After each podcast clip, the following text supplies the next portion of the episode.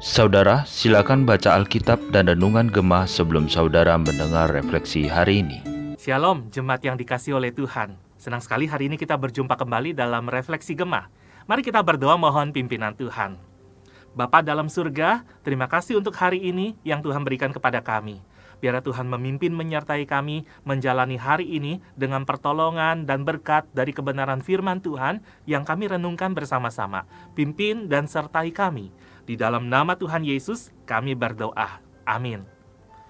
Saudara-saudara yang dikasih oleh Tuhan, hari ini renungan gema kita terambil dari Yohanes pasal 19 ayat 38 sampai 42. Saya akan membacakan ayat 38 sampai ayat 40 saja.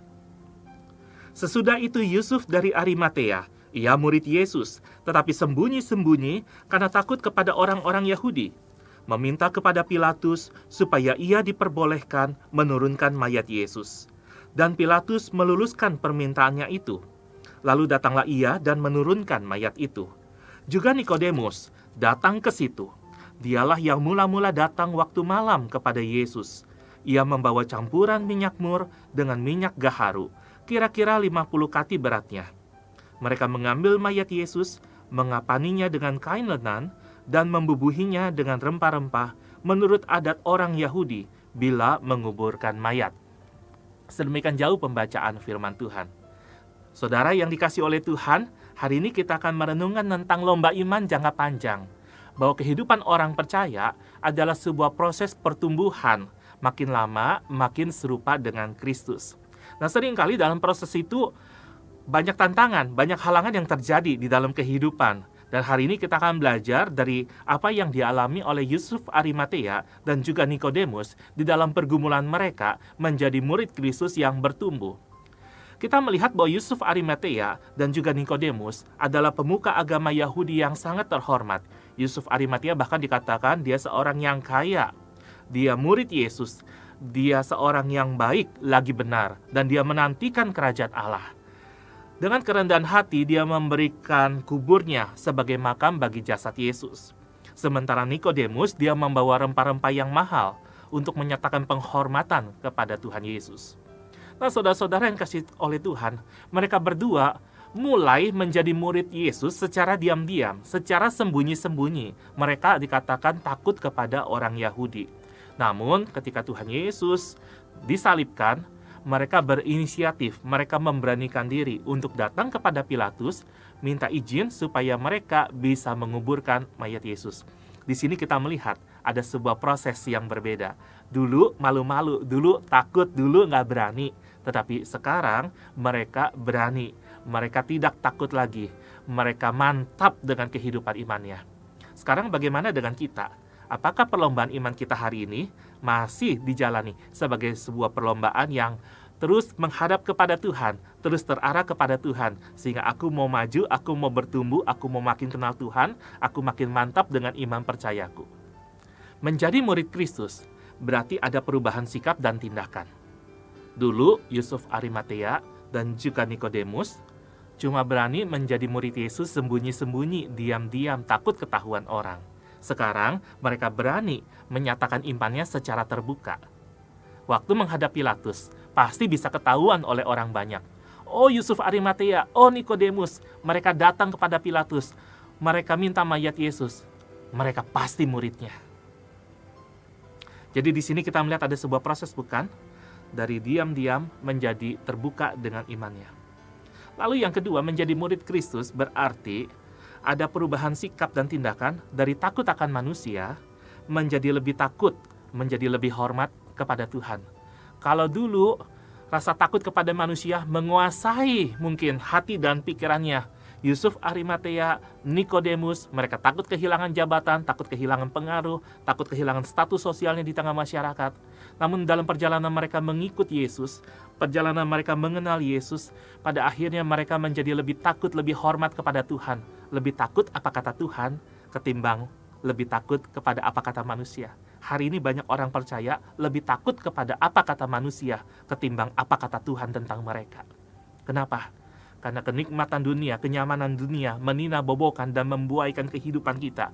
Sehingga iman kita jadi iman yang kompromi, jadi iman yang sembunyi-sembunyi. Padahal dalam prosesnya, kalau di awal sembunyi-sembunyi, dalam proses pertumbuhannya menjadi iman yang berani dinyatakan secara terbuka, memberi dampak luar biasa. Tapi kadang-kadang dalam kehidupan kita sebagai orang percaya, sekian lama kita jadi orang Kristen, justru kehidupan iman kita jadi kehidupan iman yang ditutup-tutupi. Yang penting orang gak usah tahu kalau saya orang Kristen, yang penting cukup saya sama Tuhan. Padahal menjadi seorang Kristen artinya engkau menjadi surat Kristus yang terbuka, yang dapat dibaca oleh semua orang. Apakah Kristus hadir di dalam kehidupanmu? Yang ketiga, saudara-saudara, menjadi murid Kristus berarti menyadari bahwa perlombaan iman ini bukan jangka pendek, tapi jangka panjang. Sehingga kita terus menggumulkan bagaimana cara kita bisa mengakui dan menghormati Yesus lewat ketaatan hidup kita. Waktu kita menunjukkan sebuah kesaksian hidup yang baik, kita menunjukkan ketaatan kita kepada Tuhan. Jadi seorang ayah, jadi seorang ibu rumah tangga, jadi seorang pekerja, jadi seorang karyawan, jadi seorang pimpinan, jadi seorang penata layan, jadi majelis, jadi rohaniwan, jadi tokoh masyarakat, jadi pejabat publik, atau apa pun juga kita berusaha menunjukkan penghormatan kita kepada Tuhan.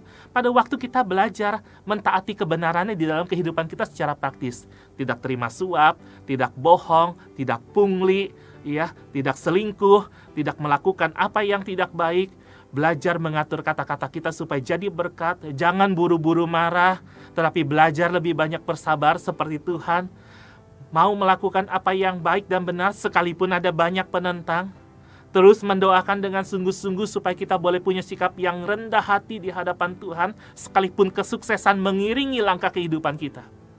Jadi, kita mau terus bergumul bersama-sama.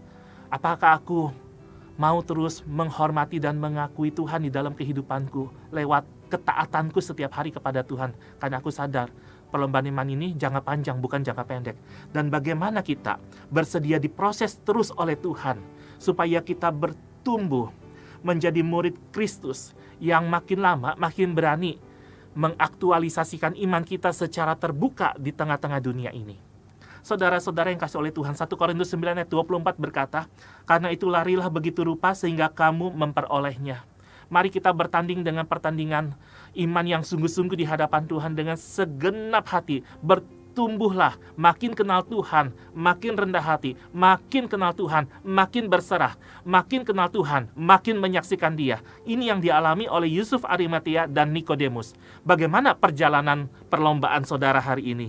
Apakah saudara masih berlari dengan pertandingan yang benar? Apakah saudara masih berlari dengan iman yang sungguh kepada Tuhan? Saya akan menutup dengan sebuah puisi.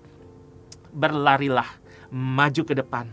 Sebagai orang-orang yang dahulu terkekang karena dosa, kini sebagai orang merdeka yang bertumbuh dalam pengenalan akan Tuhan, yang tidak lagi malu mengakui imannya, yang rela dan bersedia menanggung derita ketika imannya terpampang di beranda dunia. Berlarilah sampai garis akhir itu tiba. Tuhan Yesus selalu beserta. Ia akan menyambut kita yang setia. Mari kita berdoa. Tuhan, tolong kami boleh jadi murid Kristus yang mau terus berlari sampai garis akhir dengan setia. Sebab perlombaan iman kami bukan perlombaan jangka pendek, tapi jangka panjang oleh sebab itu tolonglah kami bertumbuh, makin menghormati, makin mengakui Tuhan, makin menunjukkan ketaatan, dan terus bersedia diproses, diubah, dibentuk, makin lama makin serupa dengan Kristus.